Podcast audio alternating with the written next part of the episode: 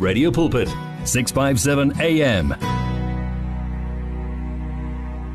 Hallelujah. Indeed you are an awesome God. Precious Khomo wahlabelela kamnandi. Mm wasibusisa la esho ukuthi ungunkulunkulu omuhle. You are an awesome God.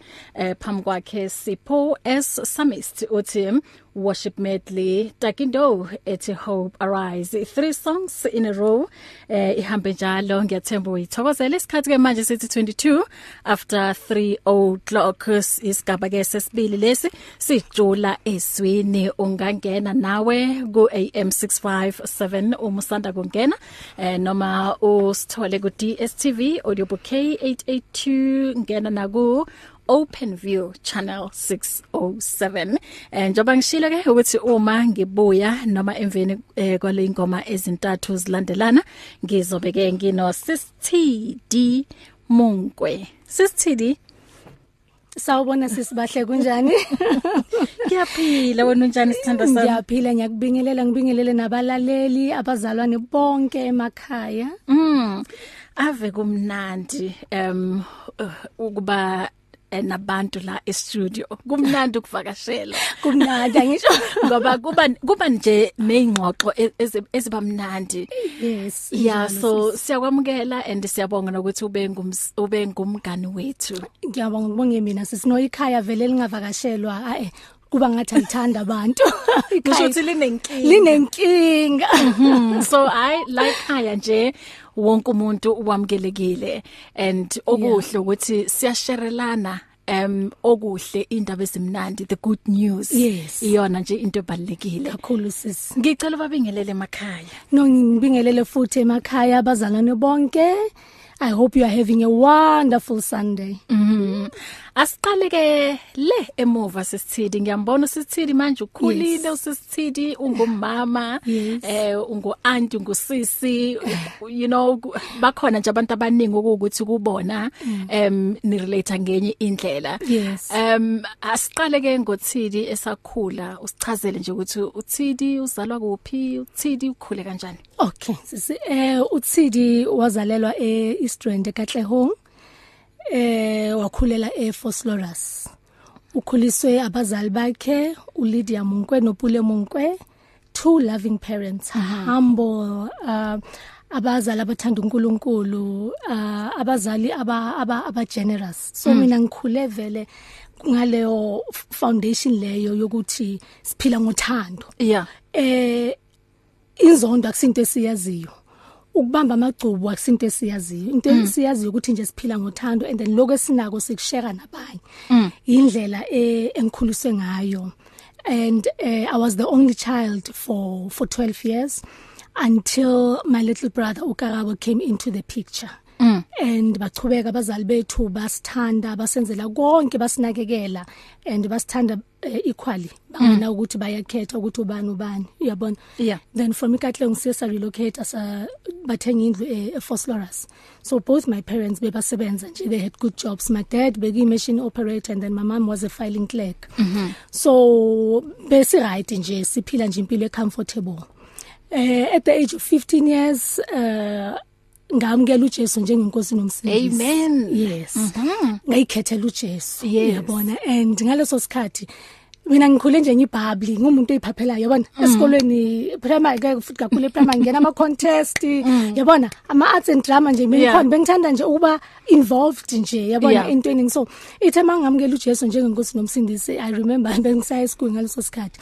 ama friends wami bathi ah wena sekuba Mm. 2 weeks anyeke ukhona uzoya uzoya uyabaza ubuzalwane yabona? yeah so eh ngazitshela nje ukuthi ngifuna ukuba prove wrong sometimes abantu maba mababa against lokwenzayo abazi ukuthi yilaba kuphushela khona Yes. towards into ufuna ukuthi uzibone ukuyo it's true eh ngaphusha enkonzweni ngaba active mina ngikhule ngiku choir enkonzweni ngingakwazi ukucula i'm not gifted vocally but ngangikhona mina ku Yeah. ngangikhona ku praise and worship team ngangikhona ku arts and culture committee i was very active uh, in the church uh and ngazenzela ifavor enkulu because uh, i think the best place to hide yourself as a teenager kusenkonzweni enkonzweni yeah. and lokho engikwenzayo namanje ko- kwenga- enganeni enganeni zami yabona so sisi eh obviously i did ezinye izinto bezenza ama teenagers ngaleso sikhathi kodwa kusalayo the foundation benginayo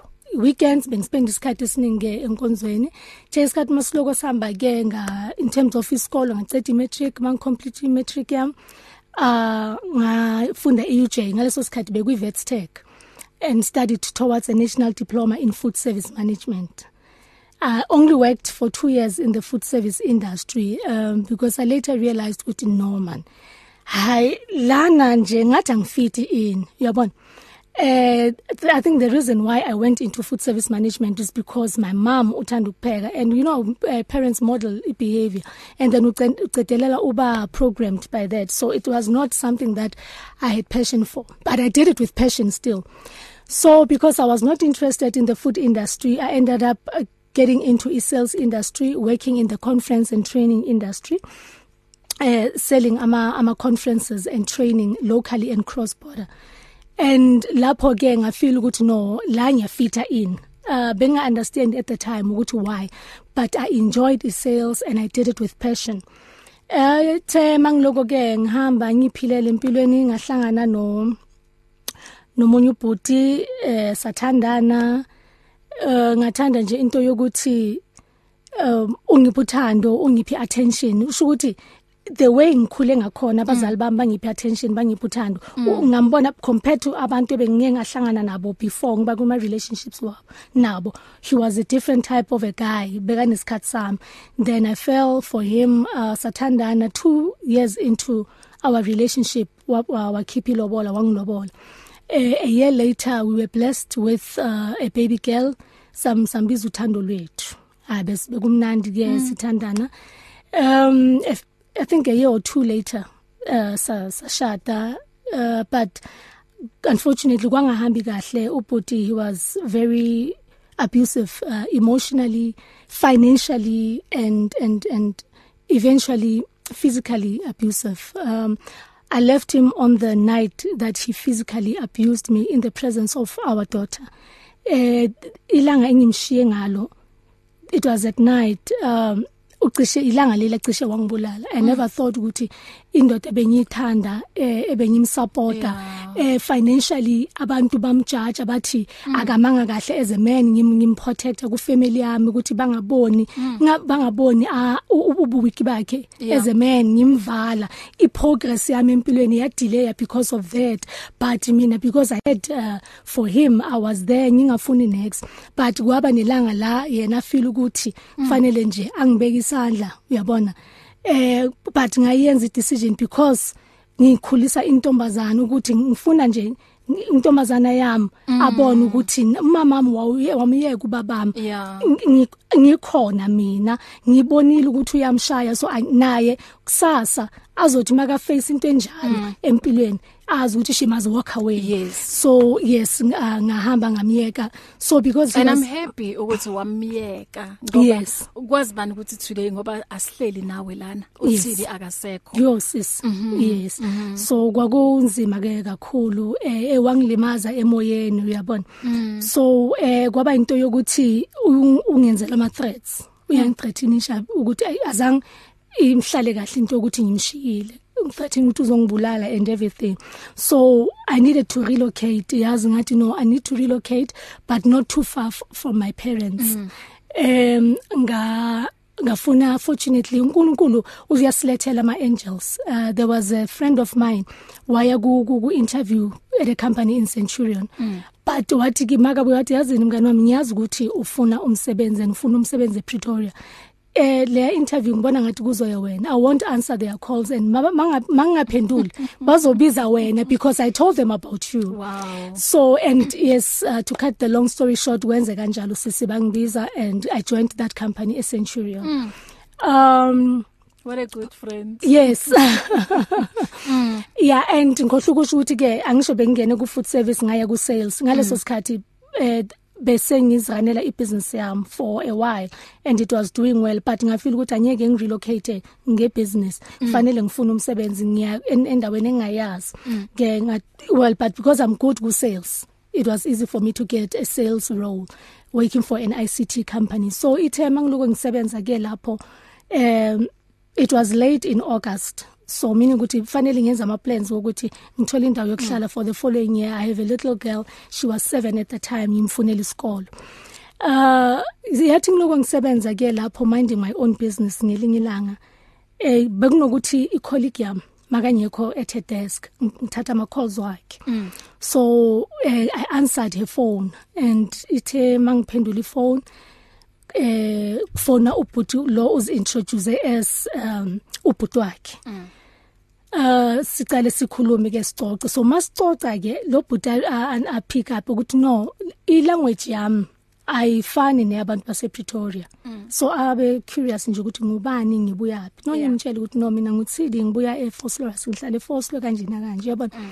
oh awuhlala ePretoria ngithi no not yet but i'm looking for a place to stay in Pretoria and then wa offer ukuthi uzongisiza ukufuna indawo yokuhlala yeah because uke waba ku the business of selling property mm. so ngajabula ngoba bele bengazi ukuthi ngiyocala kuphi uyabona so wathi no sengizocala ngikufonele directly ke sikhulume ngendaba yale ndawo engikusiza ukuthi uyithole so kwaba umuntu ongifonela every day sesikhuluma efonini singasakhulumi ke nangendawo ye property uyabona eh a few weeks later i think about boma 8 weeks later ngimbuza ngithi kuye dala sikhuluma efonini uzoza nini yabona ngizomita lo muntu o kind considerate and helpful yeah he took a deep breath wathi "Whew." yabona ngithi athi i'm in prison sure ngithi in prison U- phela besicoca the the way mina mina nawe sikhuluma ngakhona manje very intelligent guy yabona uh, and i fell in love with his personality kushuthi kulowo maviki lawo maviki lawo he was my breath of fresh air because yabona ukuthi ngibuya kuphi yes and now i have a friend engikhuluma naye every mm. single day mm. i look forward to lama calls 5 minutes phone calls from this guy mm. yabona so awunyimangala ukuthi usejele but bengiloku ngi- ngiba curious ngoba my colleague whenever angamisi call kabhuti Mm, wakhe akakhona ukumfonela back and uba ve- uba miserable ngithi kanti why ungamfoneli back Yeah. mm. yabo I, i just couldn't understand but ngithi no something's going on mina i over analyze things ngithi kulo muntu ku witness protection because at the time bengibukela ama movie kakhulu yabo. Yeah. ngoba ufona nga the same number ngiyifonele back le number mangiyifonele always ngipha a busy Engaged. tone so i was very curious i'm a very curious person naturally so ithe makathi usejela okay so because i'm curious ngathi okay i'll come and visit you mm. wathi ha really ngithi yes i'll come and visit you kanti usisi wakhe that week uplana vele ukuyombona uyabona eh wa arrange na na the sister ukuthi size together so when i when i got home eh ngidecide ukuthi okay because the sister told me ukuthi she- it was on a friday mm. uh the sister told me ukuthi uzobe uyomv- uyomvisitela on sunday so kufanele by 8 o'clock sibe e prison so we'll leave at 6 o'clock mm. yabona so ngibona ukuthi no i I won't make it from Ifosoras to Pretoria uh so i'll have to ukuthi ngiyo spend the weekend at my cousin's place so ngi intshela umama ngithi no in- khona la kufanele ngibe khona on sunday i've spoken to my cousin i'm going to spend the weekend at at her place mm. then i'll see you guys on monday then ngipheke nje i- ibag nyana f- ngifake a few clothes no in the morning kube nento ethi hayi man ungayi lapho uyabona hayi ngithi no i'm not going ngishiya ibag ngitshela umama ngithi no ayi angisayi lapha ya mama i'm coming back home uyabona eh ngihambe ngiyemsebenzini okay angifonele around 10 ubrother makafona he's excited ukuthi okay siya confirm ngisho uyaza sunday senginalento yokuthi manje sengiyaswaba ukumdisappoint and nami ngapha ngi curious futhi yabona ngibe ne debate nje ya 1 minute nje ukuthi ngiye ngayi ngiye ngayi yabona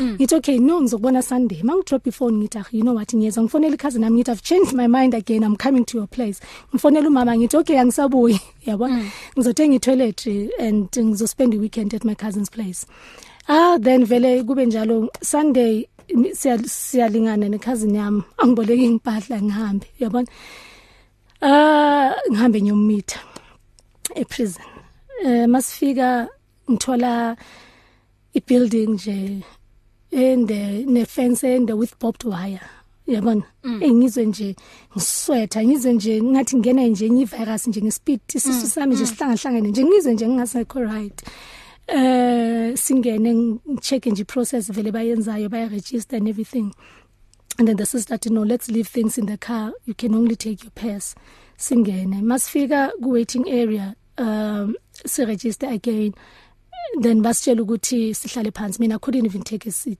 i was too nervous to sit down i was very anxious Mm, Yeah.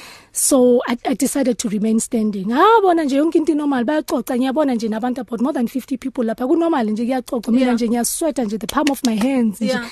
ngiyatatazela yabona because i don't know what to expect Oh yeah, I, I didn't even know what crime uh, he had committed, but I did ask the sister Uguti, uh, did he murder or, or, or rape anyone? So mm. wangitshela ukuthi no. Yabona. Mm. But I think I still would have gone even if she had said yes because being curious. Mm. Yabona. Mm. So uh see eventually babiza igama lakhe. So mababiza igama lakhe ke it meant ukuthi it was our turn.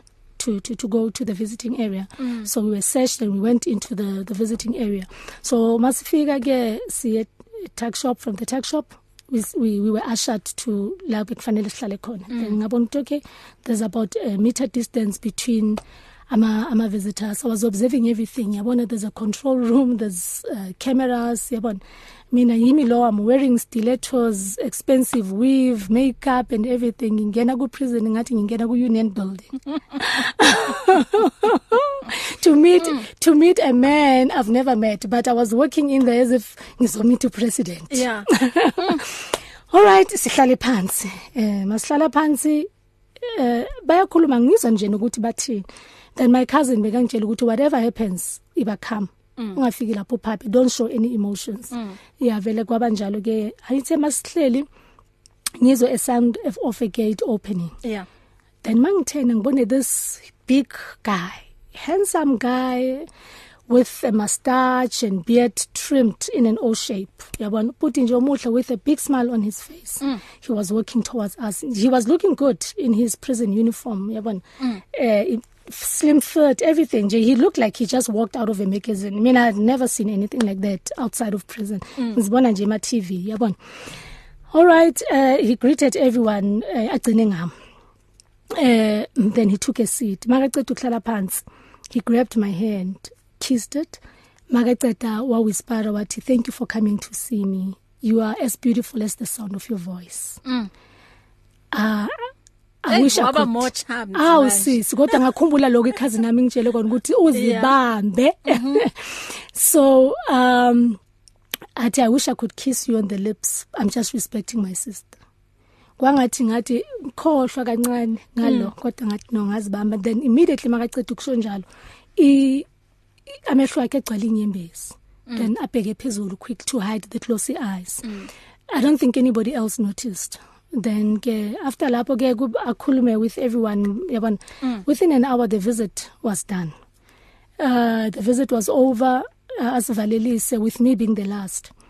Ithe makazongivalelisa ke angiguke angigukele phezulu. Athi makaceda he whispered to me athi please come back again next week.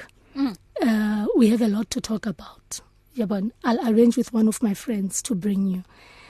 Eish, yeah, nami azange ngifuna ukumbonisa ukuthi he swept me off my feet. He kissed me on my hand. He's handsome, he smells good.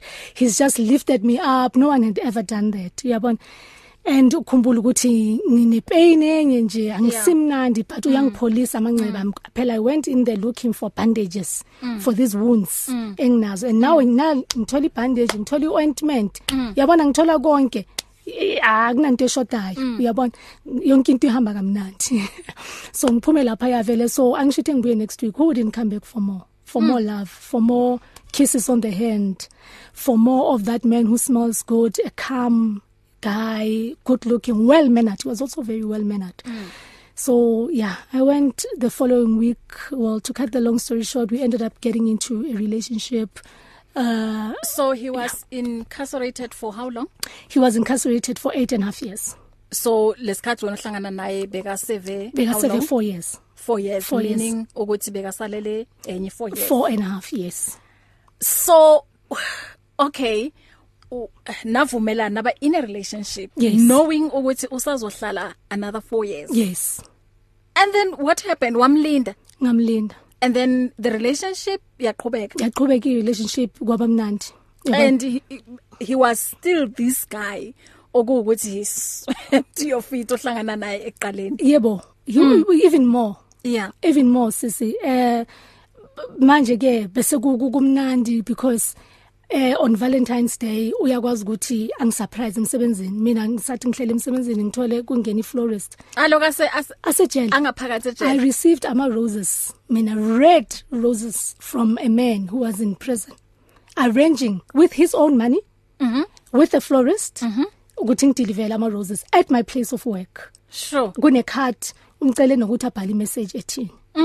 Eh ngamanye ama Valentine ngithumelela bo ma chocolates with ama relatives, chocolate dinners into esifana nalezo. so it was like nje you are in an, an, a normal relationship even better than the one I was with. I was with my ex-husband for 10 years. 5 years married and then 5 years in the relationship. He had never bought me a gift.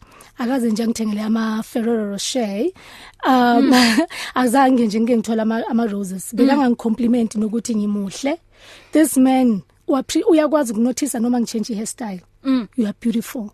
Uyangifonela ukuthi ulele njani? Wavuka kanjani? What did you eat? you know i wish i could come and bring you lunch at work you know he beka beka interested ukuthi nginjani impilo yami my family my my daughter ukuthi how is she and everything mm. and even bekaba involved or then kube into ukuthi ama my parents didn't know ukuthi i mean i'm, I'm in a relationship number 1 so nokuthi ke kunomuntu engimaziyo sejele and that i've been visiting prison mm. so it was known to me ngaleso sikhathi and the cousin lo bengileli kuye with time i ended up divulging to my other friends and my other cousins mm. and they were totally against the relationship yo nami ngingaba a- against yona of course yes yes yes because umuntu mo- momthanda uzama ukuthi umprotect Mhm.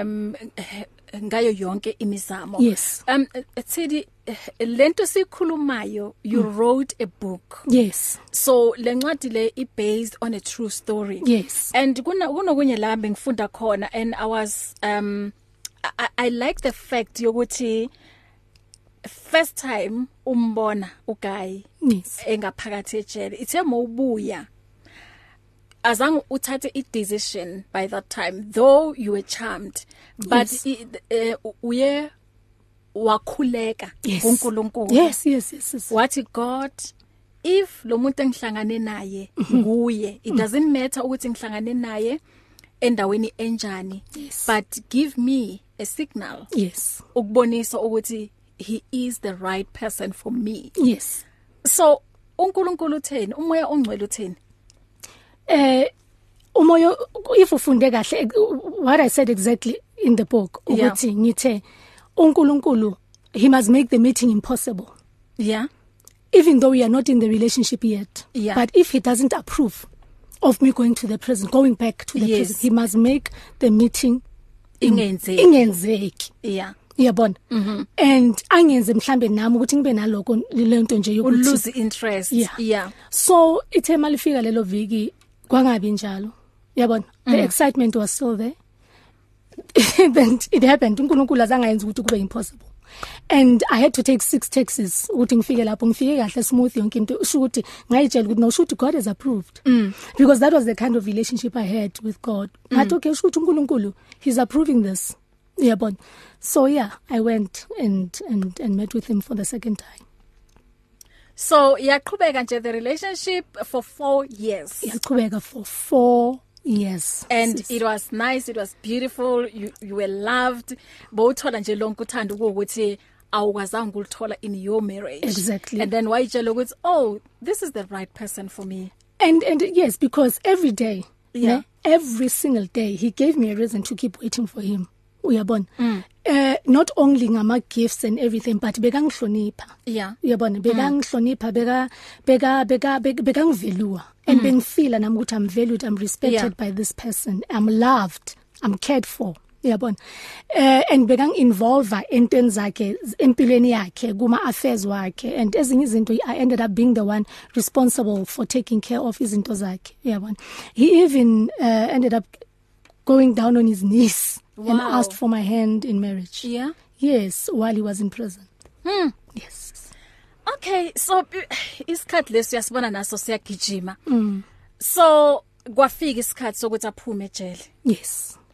and then wh- what happened the relationship yaqhubeka okay so now you are engaged yes so ulinde manje ukuthi aphume and then nizoshada yeah now i'm engaged eh wathumela na- naba- na- nabaz- ama elders from his family because yena wayefuna ukungilobola sasejele but eh, his grandmother wathi no you can't do that it kuzo- izobonisa i disrespect ku family yakatsithi eh uthi no wathi ku grandmother ke but i don't want to lose her the grandmother wathi, no you're not going to lose her utsidi uh, the way umtshela ngakhona i've never met her but she doesn't seem like umuntu ohambisa isikhathi nje so ba- beza what what decided ukuthi no abeze bazomeet ama parents wami ke ngaleso Yeah. sikhathi my parents besebazi it was 3 years into our relationship bamite bazane uyabona so ke kwabantu ukuthi uyaphuma makaphuma remember ungenzela ama promises angaka phela sithanda samanye kulinda umuntu for 4 years ngana ama promises akhonakala yes nanoma And- and- angabachaming and uyawa we- we- ezinye izinto uyayiprova ukuthi Yes.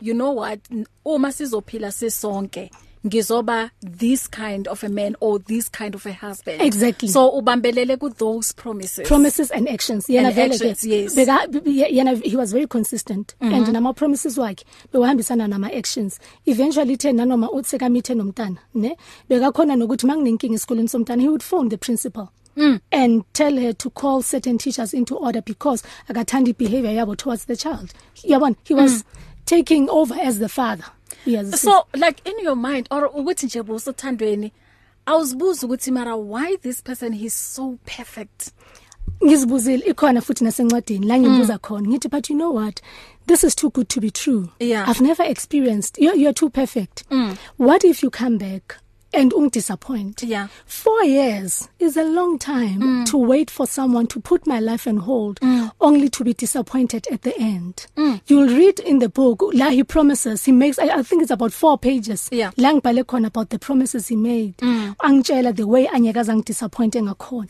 ngimtshela ngithi what if you come back and see things differently mm. athi i will never see things differently i'll be a coward if ngizojikela umuntu obe loving and supportive kulama circumstances engizithole ngi ngi- ngikuwo ama circumstances abenzima for umama womntanami ekukuthi ngithandane naye from a prison eh, eh, ngaphandle before ngene prison sinomntana ima into engifake la imali lebe ngiyenza ngiyidla naye kodwa ithe mase kushisa wangiyeka so ngizobe ngikiyeka njani ke wena yabona so he made promises to me and he, it was believable but now enye into e challenging ukuba ku relationship nomuntu osejele ukuthi you kufanele uze- ungeke ube ku relationship nomuntu ongamthembi yeah and you can't wait for someone you don't trust mm. so you either wait or you don't mm. you either get into the relationship or you don't should mm. you angeke ube in between the minute you leave room for disappointment it, it means you're going to live a double life yeah. while waiting for him ukuthi okay is- it is bona ukuthi makabuya uzenza njani ithi ngihambisa isikhathi nomunye and then izathi makabuya ngibona ukuthi ngidropa muphi yeah so uh you can't live a double life mm. so ugcina ubona ukuthi okay ithi ngimiyeke ngifocus kuye ngimthembe ngikhuleke ngibone ukuthi kuye kuzenzakalani makaphuma yes So how was life u- uma sekaphumile eh uphumile and then naqala manje na arrange um i guess ukuhlala eh, ndawonye yes Yeah. uh, yeah one of the things oyowangstopha ukuthi ngizenze because ithe yeah ngibe sengimuve ama parents wamagcina i relocate to Pretoria now so ngamuva in nama parents wami wangidiscourage ukuthi ngimuve out and find my own place what no angisho we are engaged we are planning to get married mawubuya mm, we are going to move in together mm. so kwaba into ukuthi okay we are planning to live together Yeah. and then I was his next of kin wa change from his grandmother to me so i address everything bekubhaliswe mina mm, so mm. makabuya vele kun- kun- unendlu sikhipha ama tenants we are moving into his place kumnandi sithenga izinto zasendlini kumnandi sihlala sonke ngithathe nelife emsebenzini for 2 weeks nje bekumnandi but uh within 3 weeks all hell broke loose Mm. yes 3 weeks within 3 weeks he changed uh, a man who was consistent in loving me respecting me and doing things for me uh became consistent in in hurting me the man who made sure i didn't run short of his love came back and made sure ukuthi i didn't run short of his cruelty yes sure izinto manje zajika zajika izinto sisi zajika la kungena khona khona and kwaba khona even nomntwana yebo kanti masijika kanje sijika i'm already pregnant oh nkosi yami yes i'm i'm, I'm not aware ngaleso sikhathi sure tsidi indaba yakho um you know njengoba ubhalile la ku Facebook ukuthi um siyezajika izinto yes after ukuthi nje aphume ejele and then Yeah. kusho ukuthi uye wa pretender for only 2 weeks and then after that 2 weeks azange sakwazi ukuthi azibani aqhubeke azibambe Yes. and then wakubonisa manje ama true colors yes and one of izinto ezibalile um he was abusive emotionally yes he was um abusive um but not physically no no mm -hmm. never physical yes and yo phela umuntu uma ek abuser i- emotional especially umuntu okuwukuthi u- ubeke i trust yonke kuyena I- it means ukuthi bekakhuluma izinto ukuthi azikwakhi yes and then it means ukuthi beka breaker ama promises yes kusho ukuthi wonke ama promises la awenzile Mhm. akwenza ukuthi nawe u- u- ubambelele kule relationship for 4 years Yeah. konke nje kwavela kwashabalala Kwashabalala. kanjalo yes and and one of those promises was that anyeka ngizosubhlungu and i remember mangimtshela ukuthi eh kwakenzekelani emshadweni wami ukuthi my ex husband was emotionally and physically abusive he Yeah. was so angry mm. and athi yena he's so against umuntu ohlukumeza umuntu esifazana mm. and mm. the thing is mm. when he was emotionally abusing me yena bekangayiboni as emotional abuse Yeah. nami at the time bengayiboni kanjalo eh bengibona kuyi ama fights ne kuyi kumuntu nje o rude one stress one pressure o aggressive eh ngibone ukuthi it was emotional abuse manje njoba sengipholile at the time i didn't regard it as e emotional abuse bengithi no but he just came back from prison Yeah. he's under a lot of pressure une stress mm. yeah understand mm. into zakhe sihlangani financially and yimo seduze naye so ukhiphela lezo zinto kimi lawo magama lawo ngi emotional punching bag yakhe because of what he's going through i was making excuses for him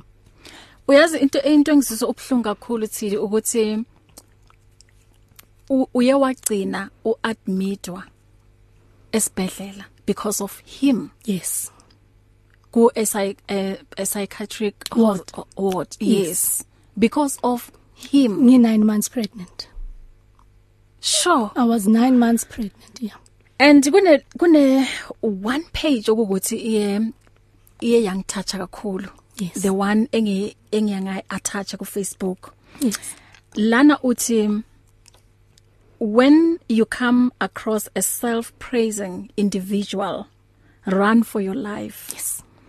just know that they are hiding something Mm-hmm. once a person tells you how good and valuable they are just know ukuthi they are not authentic yes good people don't praise themselves they don't even know how good they are they don't think they are more valuable than others unfortunately that is how teacher so ugayi bombiza uteacher Yes. igama lakhe umphelona encwadini Yes.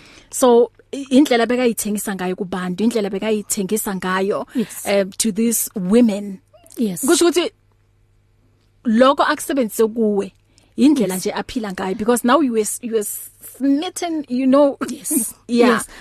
mm-hmm. not only to women to everyone To including everyone. his family mm. and his friends because mm. while e- everything was happening see kungasekho mnandi between us yeah uh, he would uh, go around and tell people ukuthi mina I'm the problem mm. I'm bringing problems from my marriage yabona Yeah. into our relationship mm. because mina I'm divorced I'm this broken person mm. on inkinga and unstable he used to say I'm I'm unstable unstable. and he would often call me a, a psychopath and manje ngokuthi uadmitiwe kwaba ukuthi yo kusho ukuthi it's true Yes, yes. Uzobona lapha encwadini. He- Yeah. He actually came to visit me in hospital wathi, "Oh, so bazoprove vele ukuthi I'm- I- I've been right all along. You are sick. You are a psychopath. Mm. I I hope uthi uzo uzo uzo uzophola. The- You'll get yourself fixed. Imagine." Hmm. Yeah. and kul- kul- kulona le page wathi he made a mistake yes. of thinking ukuthi no one heard the things he was saying about you um in your absence Yes. and wenze linye iphutha of thinking ukuthi no one heard the conversation he had with other women on his phone and into ebhlungu ukuthi all those women bekabaletha la benhlala khona together yes and he was doing all those things umuntu angacabanga ngazo on your bed yes the bot the bed that we bought together, Together. together on when he on the day he was released from prison and wena musemsebenzini yena ubhizi uzothatha eh, your morning slippers put them away yes hey beka semsebenzini beka Eh, Bona, i wonder semsebenzini bekaholiswa ubani sure and wathi wenze elinye iphutha of thinking ukuthi no one saw his charts with um uh, concubines zakhe he made a mistake of thinking ukuthi no one saw him Mhm. when he was sleeping with multiple women Yes. Sisi, because um, he used to say all those things are in my head. yeah You know, to all the men out there who are listening, we know when a woman has been to your place, now, when a woman has been to your house, we know we are born. So he would think ukuthi mina anginotice ukuthi things are being moved around and I would I could tell ukuthi someone has been to the house and as much as nami I knew ukuthi women uh, are coming to the place to our place when I'm not there those women nabo bebazi ukuthi there's a woman's touch because that's the thing a woman knows when there's a woman's touch in a man's house so what those women would do be- they would leave things on purpose ukuthi mina ngizithole you know umuntu bekashiya inwele ubona nje ukuthi zikhathiwe uyazishiya and sometimes i would never even say anything bengizithatha nje ngizilahle and not say anything to him i would find izinto nje e- e- ezingibonisayo ukuthi ku obvious ukuthi kuna kunabantu abezayo in my absence so when i would confront him about it ngithi, i can see ukuthi man kunento echangile ngawe your behavior towards me your attitude has changed you don't treat me the way you used to treat me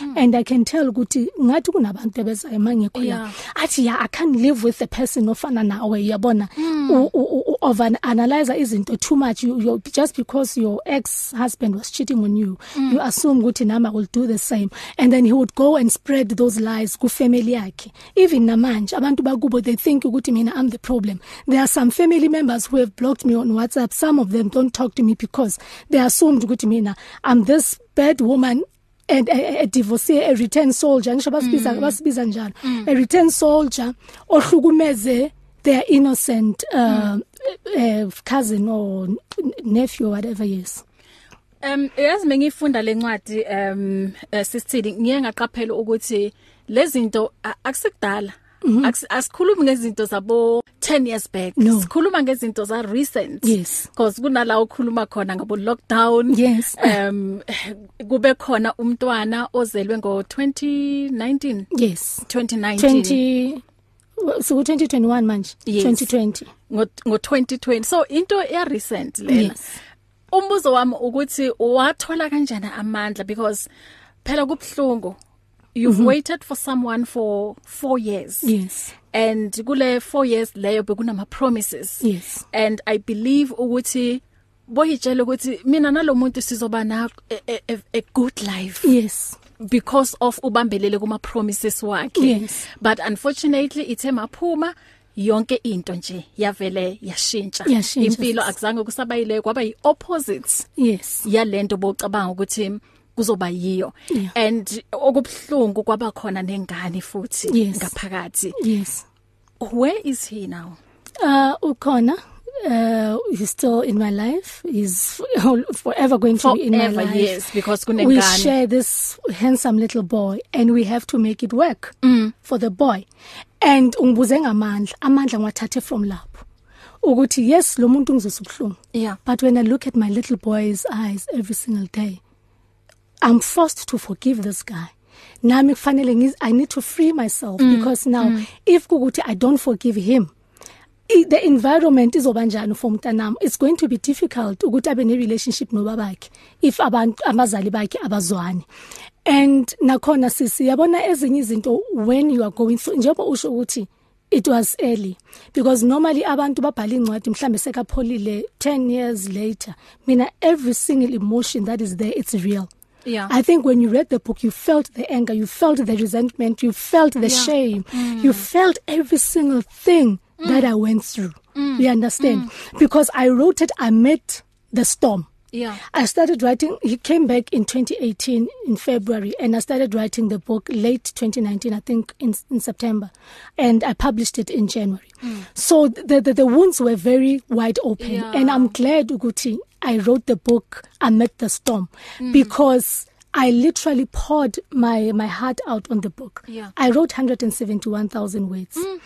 And Incwadi enkulu ngiyibonile. kodwa yareduce to 90 something Yeah. so ingipholisile ingenze ngamukela and and and enye into futhi ukwenza uNkulunkulu ifoundation yempilo yakho eh sometimes uNkulunkulu uyasiyeka si experience izinto angisho thina sihlakaniphile ngikhulele enkonzweni ngihamba noNkulunkulu ngithanda uNkulunkulu ngicommitted kuye ngafika ePretoria ngafocusa endodeni ngaworshipa indoda Sunday angisaye enkonzweni bengasaye enkonzweni ngiyahamba ngiyobhesuka ngiyejele mina Sunday angiye enkonzweni sometimes uNkulunkulu uyakiyeka athi okay maybe yes benye approve le relationship but ngiyajika Mm. angisho awusangazi awusa awu- awu- ngifuna ukubuyisa kimi Mm. you understand sometimes ungamblame umuntu ukuthi eshi wabuye ejele wangijikela but sometimes ufanele uyibone ngendlela yomoya uthi Yeah. uNkulunkulu bekafuna ukubuyisa and uNkulunkulu uzokudlulisa entweni ebuhlungu ukuthi uphinde ubuye uguce ngamadolo Mm. sometimes bengasalali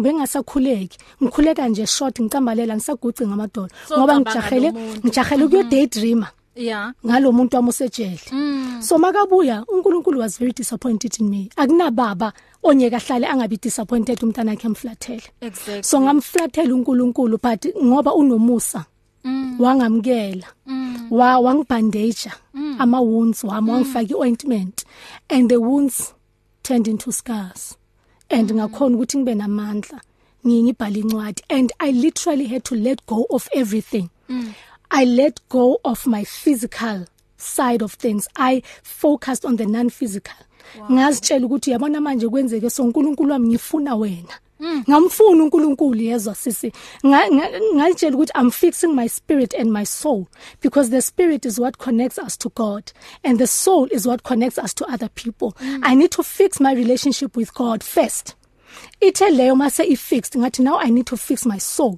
so that i can attract abantu abapholile njengami because when you are broken you attract abantu ababroken Ababroken, yeah. there is no in between you attract lokho unako manje akusana ukuthi mina ngizo attract umuntu obroken ngipholile ngizo attracta lo enguye but kwamanje sisi ngizifunela uNkulunkulu Amen to that. ngiphila naye angifuni next even my kids no my parents no ukuthi uthidi nje uphilela uJehova Amen. yes Mm, ngicela sithathe ikhefu kancane lana mhlambe kukhona abathanda ukukhuluma nabona azange sisathola nethuba Yes. eh sizothatha nje u5 minutes si- em, mhlambe uma bekhona bakhona abathanda ukukhuluma nawe em sivulele nje incingo ku 0123341322 njoba ngichazile bazalwane ukuthi sisebenzisa iTelegram this week iTelegram kuphela esebenzayo so uma uthanda ukuthumela ivoice note ngicela uyithumele ngeTelegram inamba kuseseyiyona oyaziyo 0826572729 eh unga texta na ku 37871 0123341322 isikhathi anginaso bazalwane um ngina uh, only plus minus 5 minutes ukuthi ke ungakhuluma nososithile mhlawumbe une question or mhlawumbe nje kukhona othanda ukukubuza kuye ngizokunikeza lelo thuba emveni kwalokho It's difficult to face the overwhelming pressures of life alone. Sometimes we just need someone to talk to, someone to listen to us. And what better way to do that than through a quick and easy WhatsApp text? Whether you're having a hard time coping with school, family issues, being bullied, depression, or anxiety, speak to someone who cares today. Send a WhatsApp message to 064 530 6805 or 074 995 9085. Our I Am Youth Counseling team, Charles Dudoy and Danny Vambili, are ready to connect with you today. It's here. Radio Pulpit's new website is live. You can tune in at radiopulpit.co.za and enjoy crystal clear sound with just a click of a button or listen to our podcasts. Discover biblical truths in our daily devotionals and let our stories of hope inspire you. You can download our app on this new look easy to use platform. Find your favorite program, get to know our presenters, and so much more at radiopulpit.co.za. Radio Pulpit, your daily companion. Come live the life at 657 AM 657 AM Ey namhlanje ngathi bazalwane kukhona okuningi la okushintshile. Okay, it seems like usebenza u0123338699 inamba ke ongashayela kuyona 0123338699. Sawubona usemoyeni? Kusenzani? Kalimambo. Eh na- ngiyambingelela naye umfundisi. Amen. Eh Ulalele. manje ke ngase ngafunda akusuye yedwa lo wathola lokuhlukumaza. Ngase ngafunda omunye umlando wangale America ngale. Mm. Enye incwadi ngangina eh kwakhona umfo bathi umnyu uyum. Uyum lo kathi ana uyum. Okay. Yeah.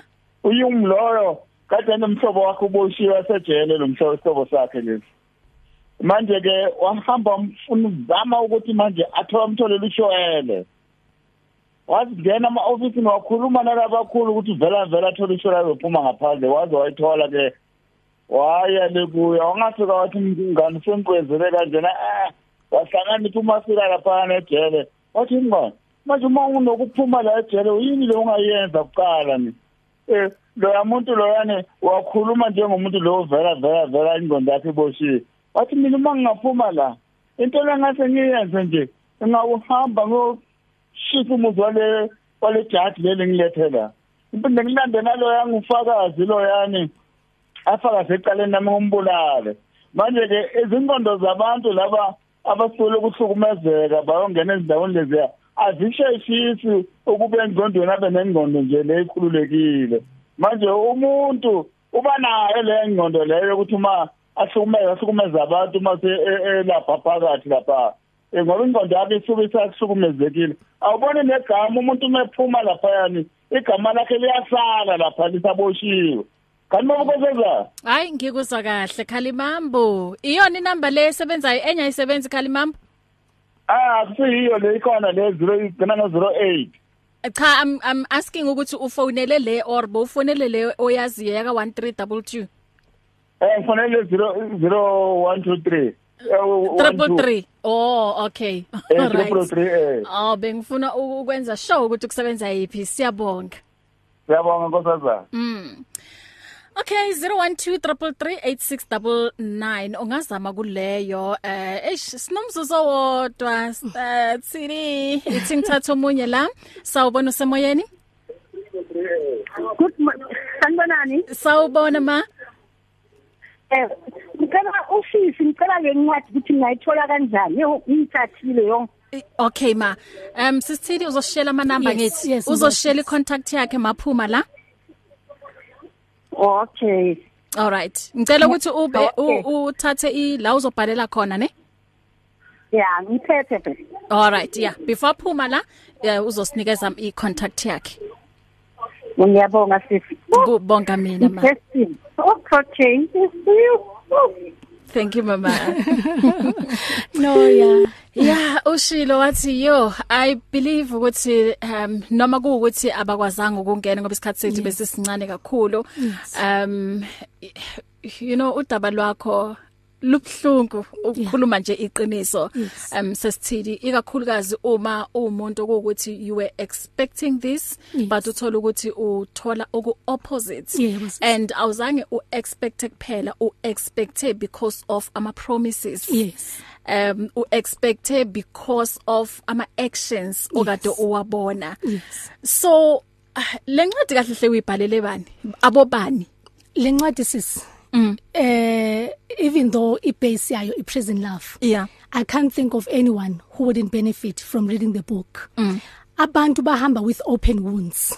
Yeah. la ngaphandle mm. to be more specific yes women whose partners have been incarcerated mm. nalabo bhuti aba behind bars mm. now noma ubani ozithola aku toxic relationship atrapped angazi ukuthi aphume njani mm. nalomuntu osingle ofuna ukungena ku relationship angazi ukuthi ayenzeni because inama tips ukuthi kufanele uzilunyise Yeah. before ungena ku relationship ngoba inkinga singena kuma relationship si broken Yes. uthola no- umuntu o broken and akunanto elungayo Mm. Yeah. and akunamuntu iage group engeke nje i- i- le- le- le- lencwadi be relevant i mean i have my my aunt umamkhulu wami una 73 years she's finished reading the book Wow. my 62 year old mother is reading the book mm. my daughter and my my niece uh, are reading the book so akukekho umuntu onyeke aza benefit from yona because lencwadi i ointment mm. ama bandage owadingayo ukuthi ize ik- ikuvalele ama wounds wakho so get yourself a copy ye present love uNkulunkulu he is very close to the broken hearted Amen. and he's used me as a vessel through my life experience ukuthi ngizonipholisa mm. yes Sure mina you know what I've learned from kulencwadi ukuthi how important it is uku- ukumazi umuntu noma ukuthi ngeke umazi 100% Yes. but ukwazi ibackground yomuntu Yes. u- ukwazi umuntu ukuthi um uphumaphi yes sis, kakhulu. yes it is it is very important it is and Yeah. yeah. manje yabona abantu sometimes si- yes ku ku- very important is ngoba sometimes ungena ku relationship nomuntu ozicake o- ocakwe ama generational curses Yeah. okukuthi naye akaka wa identify mm. so into angaka identify naye akazi ukuthi ayikhulekise kanjani mm. so when uyangena umthola ucakwe ezakhe Yeah. une upbringing yakhe emcakile mm. so kufanele ukwazi and esikhathini singisisi ama red flags akhona Yes. nethi nje thina siyawa ignore mm. ngoba sidonkwa uthando especially women especially thina ungasabi kuyisho leyo especially thina women Eh, Yes. yes. and enye into Yeah. futhi engifuna ukuyixwayisa abantu asiyekeni ukuzenza ama psychologists nama social worker Yeah. ku relationship you are there to love to support mm. and to be the helper that's it mm. you are not god you are not a social worker you are not a psychologist umuntu makafuna makufanele azilungise fanele uNkulunkulu kuphela uzomlungisa not mm. you Exactly. so the reason why sihlala la kungekho mnandi khona is because unalento ukuthi ngizo uzolunga ngizomchange angeke uzitshange umuntu yena angakwazi ukusitshange umdali wakhe kuphela uyo uzokwazi ukuthi amshintshe Amen. Amen. Amen. Amen. Sisithidi, thank you so much. Ithi ngithatha ukugcina ne? Okay. Um sawubona usemoyeni? Hello, Martin. Hello mama. Yes. Eh ngiyamuzwa usisi Bantwisi incwadi sizoyithatha inamba masi esinika. Into enkulu nje bengifuna ukwazi mina ukuthi yena njengomuntu okholwayo ebe ebe ebema Ebe ebe ebekholwa nalo muntu lona ngoba siyafundiswa ukuthi kuneka libe u- ube umuntu okholwayo Mm. Ma- ngoba manihamba ngokukholwa lonke yabona nihamba indlela nihambisana indlela mm. o usho u- ubhuti obengaphakathi o usho umama yes usisi. yes yeah Okay, sisithidi oh ngimzwile ngiyamuzwa mama ngimuzwa sengimzwe ngendlela yomoya okay. Yeah. Mama uzobamba or uzolalela ku radio. ngizolalela ku radio umamlamula lokhulumayo yes. Okay, Mama Ngiyabonga. Lamula. yeah Mm. Siyabonga. ngicela Mm. ukuyi before ngibuyela ngimphendula umama Sina two minutes, ne? Mm. umama ngiyayithanda into ayishoyo and into ebaluleke kakhulu iphutha esilenzayo yebo kubalekile ukuthi mawuhlangana nomuntu uhlangane nomuntu okholwa njengawe Mm. umuntu ohlonipha uNkulunkulu osaba uNkulunkulu othanda uNkulunkulu ngoba umuntu othanda uNkulunkulu kusho ukuthi uzithanda yena Yeah. and then uzokuthanda ngoba umuntu ongathanda uNkulunkulu anyeka kuthande naye akazithandi so i- ubhuti yes wayethe uyakholwa ngisho umuntu ejele kunama kunamasonto Yes. kodwa ukukholwa phela nokusonta kusinto eyi-one and n- hence ngithi siyitshela usizo abantu sizobashintsha Ngo- wafundiswa nayimi ukukhuleka ngisho khona ikhona ichapter Yes. la ngibhale khona ukuthi ngamfundisa u-our father so yes umama ngiyabonga mama M- mina ngithi i- iphutha elinye engalenza futhi not iphutha i-choice embi when it comes to that because vele kufanele uthi mawukhetha umuntu ozophila naye empilweni khetha umuntu othanda uNkulunkulu osaba uNkulunkulu ohlonipha uNkulunkulu ngoba anyeka kuzwisa ubhlungu ngoba uzobazwisa uNkulunkulu ubhlungu yes Sisithidi isikhatsi sami yazi futhi sengithathe nesikhatsi sika Mam Clementine. Yabona ungibukile uthi bahle. Mam Clementine siya Siyabonga ukuthi usiphe isikhatsi sakho. Okay, um sikuthola kuphi? Nizongithola ku WhatsApp kule number i066 Mhm. 172 6715 Ngithi ngibone ngibhale the right one lana.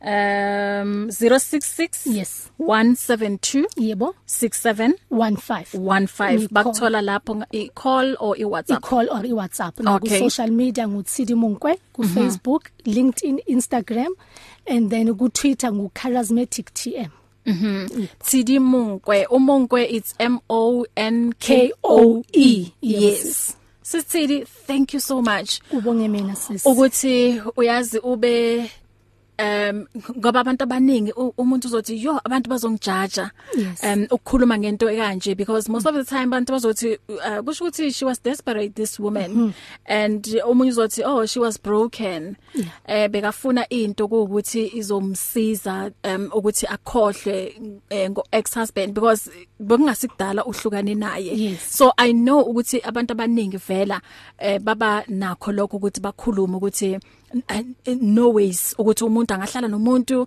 eh a- i- a- avalelwe ejele for 4 years and then abuye and then azomhlukumeza kusho yeah. this woman she's so desperate this yeah. Yeah. woman akayithandi you know i know ukuthi izi- ezinye sezinto ohlangabezana nazo yes and and then right sisi kona vele eh abantu baya criticize abantu baya judge Yes. kodwa sometimes asibheke leyo criticism is ukuthi i constructive na Yeah. ngeqiniso yebo vele ngoba akekho umuntu ozovuka ekseni athi mina namhlanje ngiyofuna i- ngiyofuna iboyfriend ejele usuka ukuthi ucakwe yilezi zicakile ngaphandle uzwe ubhlungu Yeah. so uhlangana nalomuntu ozwe ubhlungu naye nithu nitshela ukuthi nizopholisana so we go into relationships sibroken sis sifuna ukuphola kanti sikhohle ukuthi fanele sipholiswe umdali fanele sithi mawungena ku relationship ungene ukuthi sowupholile not u- when you go into rela- a relationship fanele ukuthi you are running towards something mm. not away from something Yes. but it's f- very often whether i pres- i relationship nomuntu osejele or not ungena kuyo ngoba you are running away from something mm. and most of the time you are running away from yourself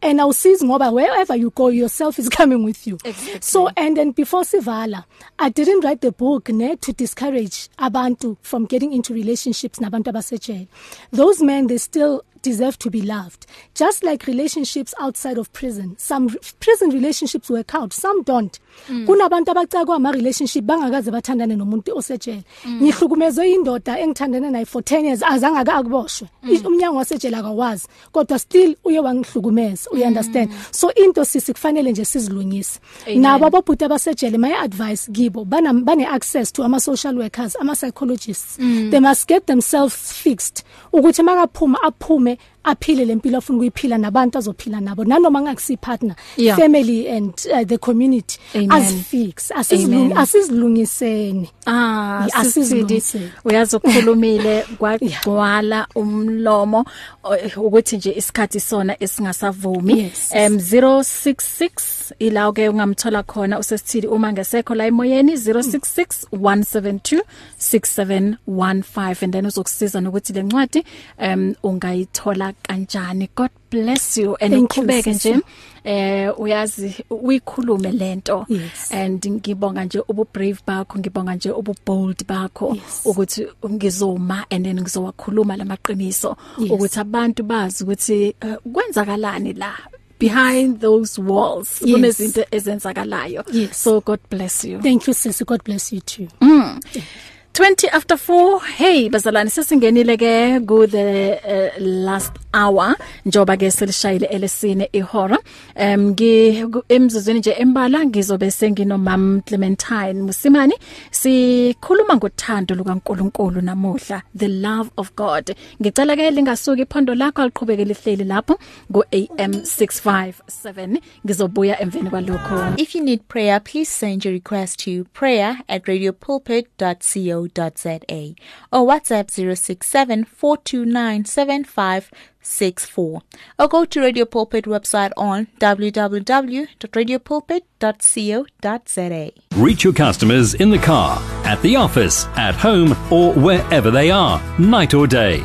Through advertising with Radio Pulpit, you can reach a large, unique, and loyal audience in a most affordable way. With over 500,000 people on our various platforms, from Gauteng to the Cape, you simply cannot go wrong. So advertise today. Contact us on 012 334 1339 or for advertising packages that we offer, go to www.radiopulpit.co.za. Terms and conditions apply.